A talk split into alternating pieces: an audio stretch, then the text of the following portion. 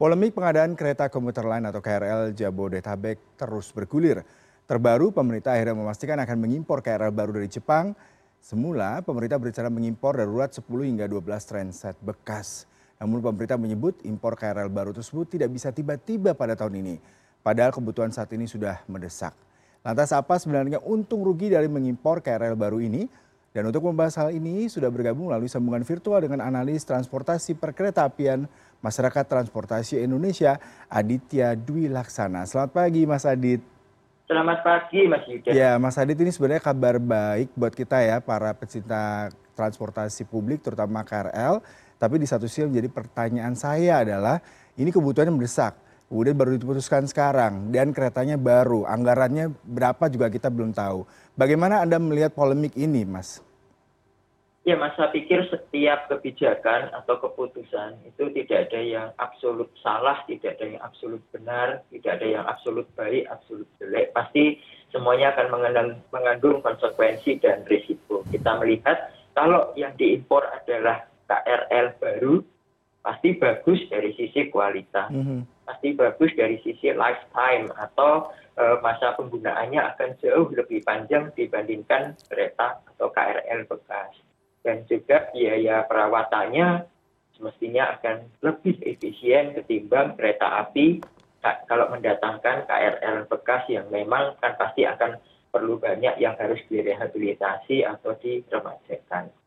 Nah, cuman masalahnya adalah satu, kapan KRL baru ini akan tiba karena proses mendatangkan KRL baru tentu saja juga akan jauh lebih panjang daripada mendatangkan KRL bekas yang memang selama ini KCI sudah memiliki kerjasama dengan pihak Jepang untuk secara rutin mendatangkan KRL bekas. Kalau KRL bekas, kalau KRL barunya misalnya datangnya masih dengan satu sampai dua tahun ke depan, maka kan itu sebetulnya eh, masih ada titik kritis di dalam hal permajaan atau penggantian KRL yang sedang beroperasi saat ini. Karena kan rencananya akan ada 10 rangkaian KRL di tahun 2023 dan 19 rangkaian KRL di tahun 2024 yang akan dipensiunkan atau hmm. dipurna tugaskan. Nah, kalau KRL tersebut kemudian dipensiunkan, masih menunggu KRL baru yang datangnya baru setahun atau dua tahun lagi, maka akan ada potensi kekurangan sarana atau yeah. kapasitas angkut. Nah, kemudian solusi berikutnya kan kemarin disampaikan dari hasil rapat adalah retrofit. Retrofit itu sebetulnya membuat bugar ya mas, pembugaran atau membuat defisit atau semacam melakukan rehabilitasi. Nah, retrofit ini tentu saja baik. Karena satu, kita tidak perlu lagi mendatangkan KRL bekas, tapi KRL yang ada bisa dipanjangkan umurnya sampai mm -hmm. dengan katakanlah 5 sampai 10 tahun ke depan. Tetapi masalahnya adalah apakah retrofit ini bisa dilakukan dengan cepat? Apakah suku cadangnya tersedia? Kalau suku cadangnya belum tersedia kan berarti harus uh, produksi dalam negeri. Itu berapa lama? Ataukah memang harus impor suku cadangnya itu kan berarti kita akan impor lagi. Nah retrofitnya berapa lama? Apakah cukup satu tahun? Apakah lebih? Apakah dua 17 bulan? Misalnya hmm, kemarin hmm. sempat disebutkan. Retrofitnya dilakukan di mana? Di balai yasa kai atau di inka? Kalau di inka ada masalah juga karena mereka kan sudah harus sibuk mempersiapkan armada baru apakah akan dibebani retrofit juga nah retrofitnya kalau makan waktu katakanlah 12 sampai 15 bulan berarti kan ada uh, potensi pengurangan sarana KRL karena kan KRL-nya pasti akan masuk ke balai yasa atau ke bengkel kereta untuk diremajakan pasti akan perlu waktu dan pasti akan potensinya kekurangan armada. Dan nanti kalau masih menunggu KRL yang baru yang masih setahun atau dua tahun lagi, berarti akan ada potensi kekurangan armada atau kapasitas angkut. Nah itu nanti eh, kira-kira uh, apa yang akan menjadi solusi dari pemerintah ketika terjadi potensi kekurangan kapasitas angkut itu. Jadi maksud saya yang di sini yang penting adalah apa pun kebijakannya itu jangan sampai merugikan masyarakat karena akan ada uh, penumpang yang tidak terangkut secara signifikan kalau keretanya kemudian berkurang secara signifikan karena mengalami proses retrofit sementara penggantinya belum datang. Hmm. Iya Mas Aditya kalau di awal tahun 2023 aja PT KCI mengatakan ada 11 juta penumpang yang menggunakan KRL dan bisa dipastikan ketika ada retrogate kemudian kebutuhan regenerasi sembari menunggu hampir 2 tahun itu pasti banyak yang terlantar. Sementara pemerintah dari kemarin selalu berpolemik terkait dengan kandungan materialnya harus digunakan produk dalam negeri, kemudian tidak tidak impor barang bekas karena ternyata dari segi safety, dari segi harga meskipun lebih murah ya. Lalu Anda melihat sebenarnya keputusan kali ini sebenarnya tidak yang paling tepat di antara beberapa keputusan yang mungkin diharapkan bisa lebih sistematis, lebih efektif untuk mengatasi kebutuhan ratusan ribu penumpang yang akan terlantar.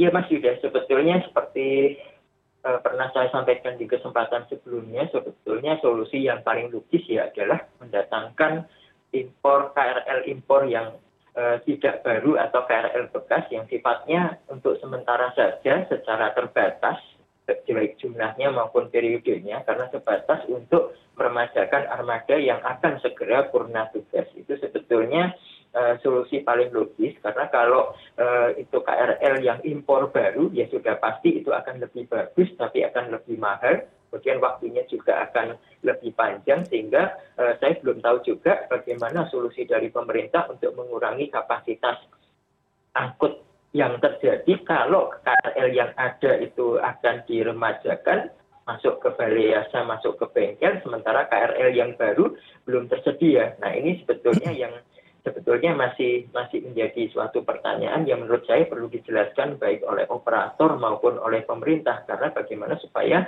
masyarakat tidak dirugikan dengan adanya polemik ini. Kalau masyarakat pasti nggak akan melihat hmm. apakah ini yeah. baru, apakah ini bekas karena kalau selama bekas pun masih layak untuk digunakan, masih layak fungsi dan berkeselamatan sepanjang kapasitas angkutnya tidak turun atau malah bertambah, ya itu lebih baik lagi karena sekarang ini kan masalahnya eh, yang terjadi adalah bukan bukan kepenambahan tapi baru akan permajaan atau penggantian armada sehingga yeah. sifatnya ini sebetulnya hanyalah mengganti armada yang akan dipurna tugaskan. Nah ini masalahnya kan sebetulnya seharusnya yang dilakukan oleh pemerintah adalah secara masif untuk meningkatkan atau memperbanyak armada yang ada sejalan dengan pertumbuhan penumpang maupun peningkatan mobilitas masyarakat. Kalau beli baru itu sudah pasti bagus, tetapi ada efek dampak sampingannya juga kemungkinan kepada masyarakat. Pertama adalah e, biayanya atau nilai pembeliannya pasti lebih tinggi.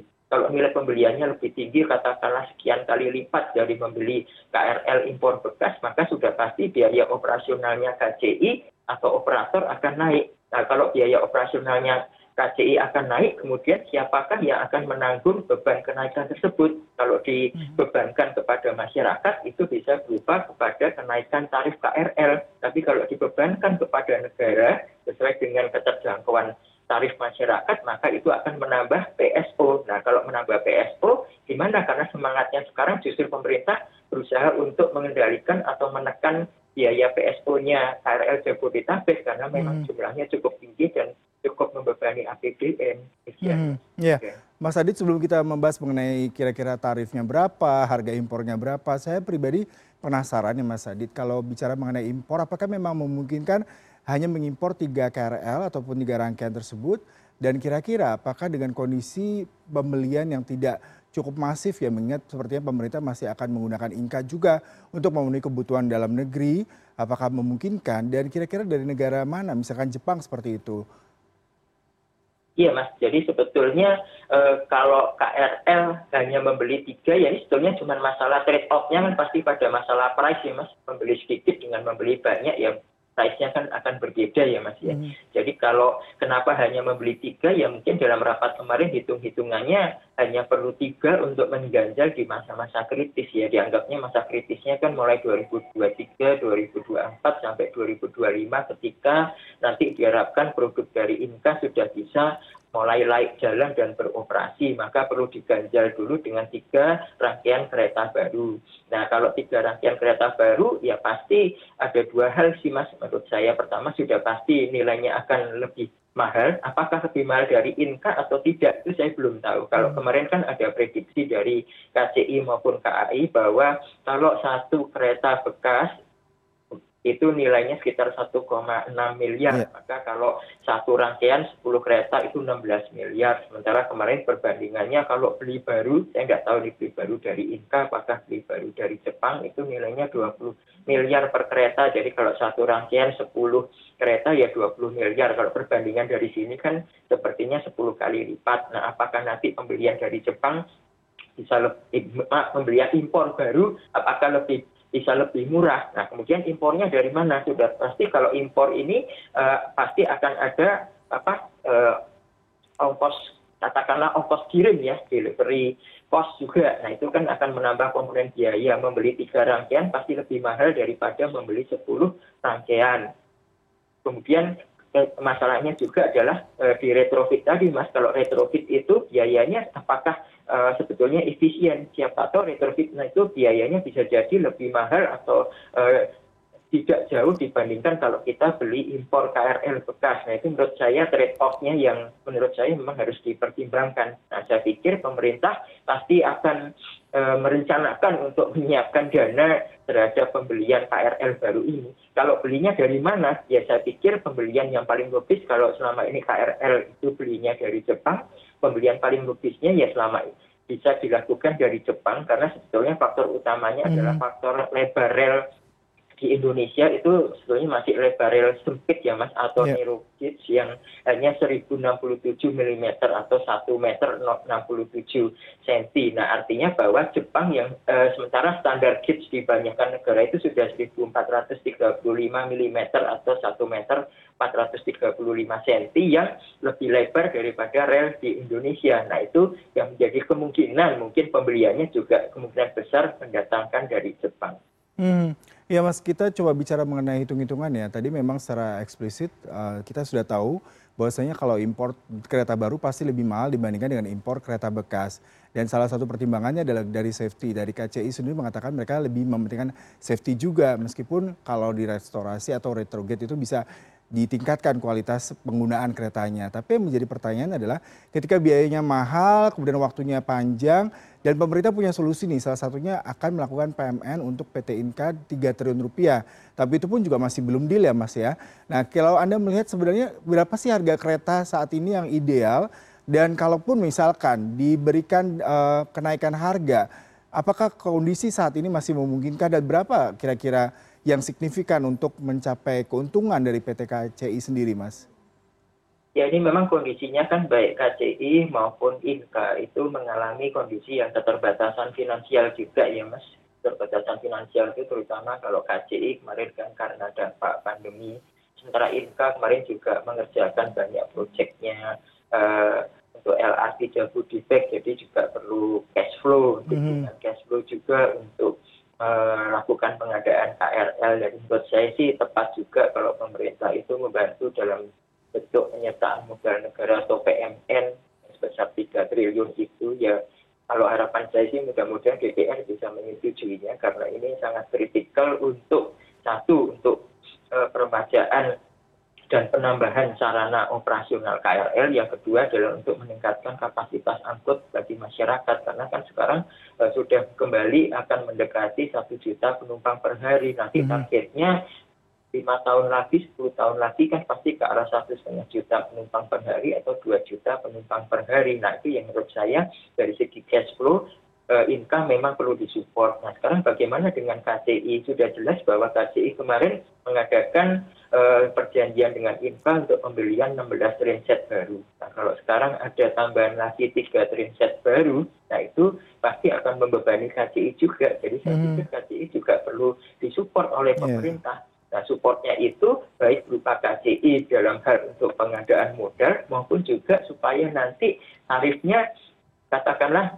memang hanya membeli tiga rangkaian kereta, tapi membeli tiga rangkaian kereta kan biayanya juga bisa uh, ratusan miliar kalau hmm. dibandingkan dengan puluhan miliar kalau menggunakan KRL impor bekas. Nah kalau katakanlah ada kenaikan uh, biaya operasional dibandingkan dengan impor bekas katakanlah 5 sampai 6 kali atau 8 kali ya sudah pasti akan ada kenaikan biaya yang signifikan. Nah, kenaikan biaya yang signifikannya itu seberapa? Yaitu hmm. memang harus dihitung-hitung dulu Mas, tapi mau tidak mau sebetulnya kalau kondisi saat ini tarif yang ada di KRL Jabodetabek itu menurut saya tarif yang masih sangat ekonomis ya Mas, masih sangat terjangkau karena masih sangat kenapa masih sangat terjangkau karena kita melihat sebetulnya kalau kita bandingkan dengan tingkat pendapatan masyarakat yang setiap tahun selalu ada penyesuaian kenaikan upah minimum provinsi tapi sementara sebetulnya eh, KRL komuter lain ini sudah lebih dari lima tahun sudah hmm. tidak mengalami penyesuaian tarif sementara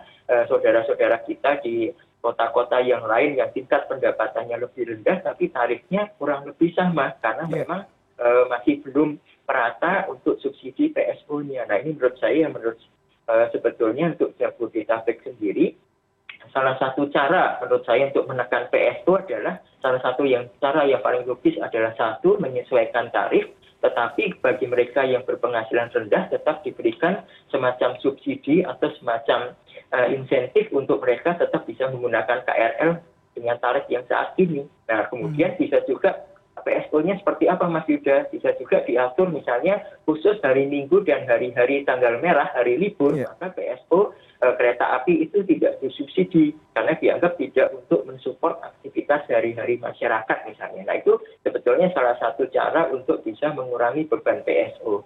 Tapi bagaimanapun juga negara harus hadir untuk menyediakan angkutan publik yang memang layak, aman, nyaman, terjangkau, dan terpadu. Kira-kira begitu Mas Yudi. Baik Mas Adi, terima kasih untuk perbincangannya pagi hari ini. Salam sehat selalu Terima kasih juga Mas Yuda, salam sehat selalu.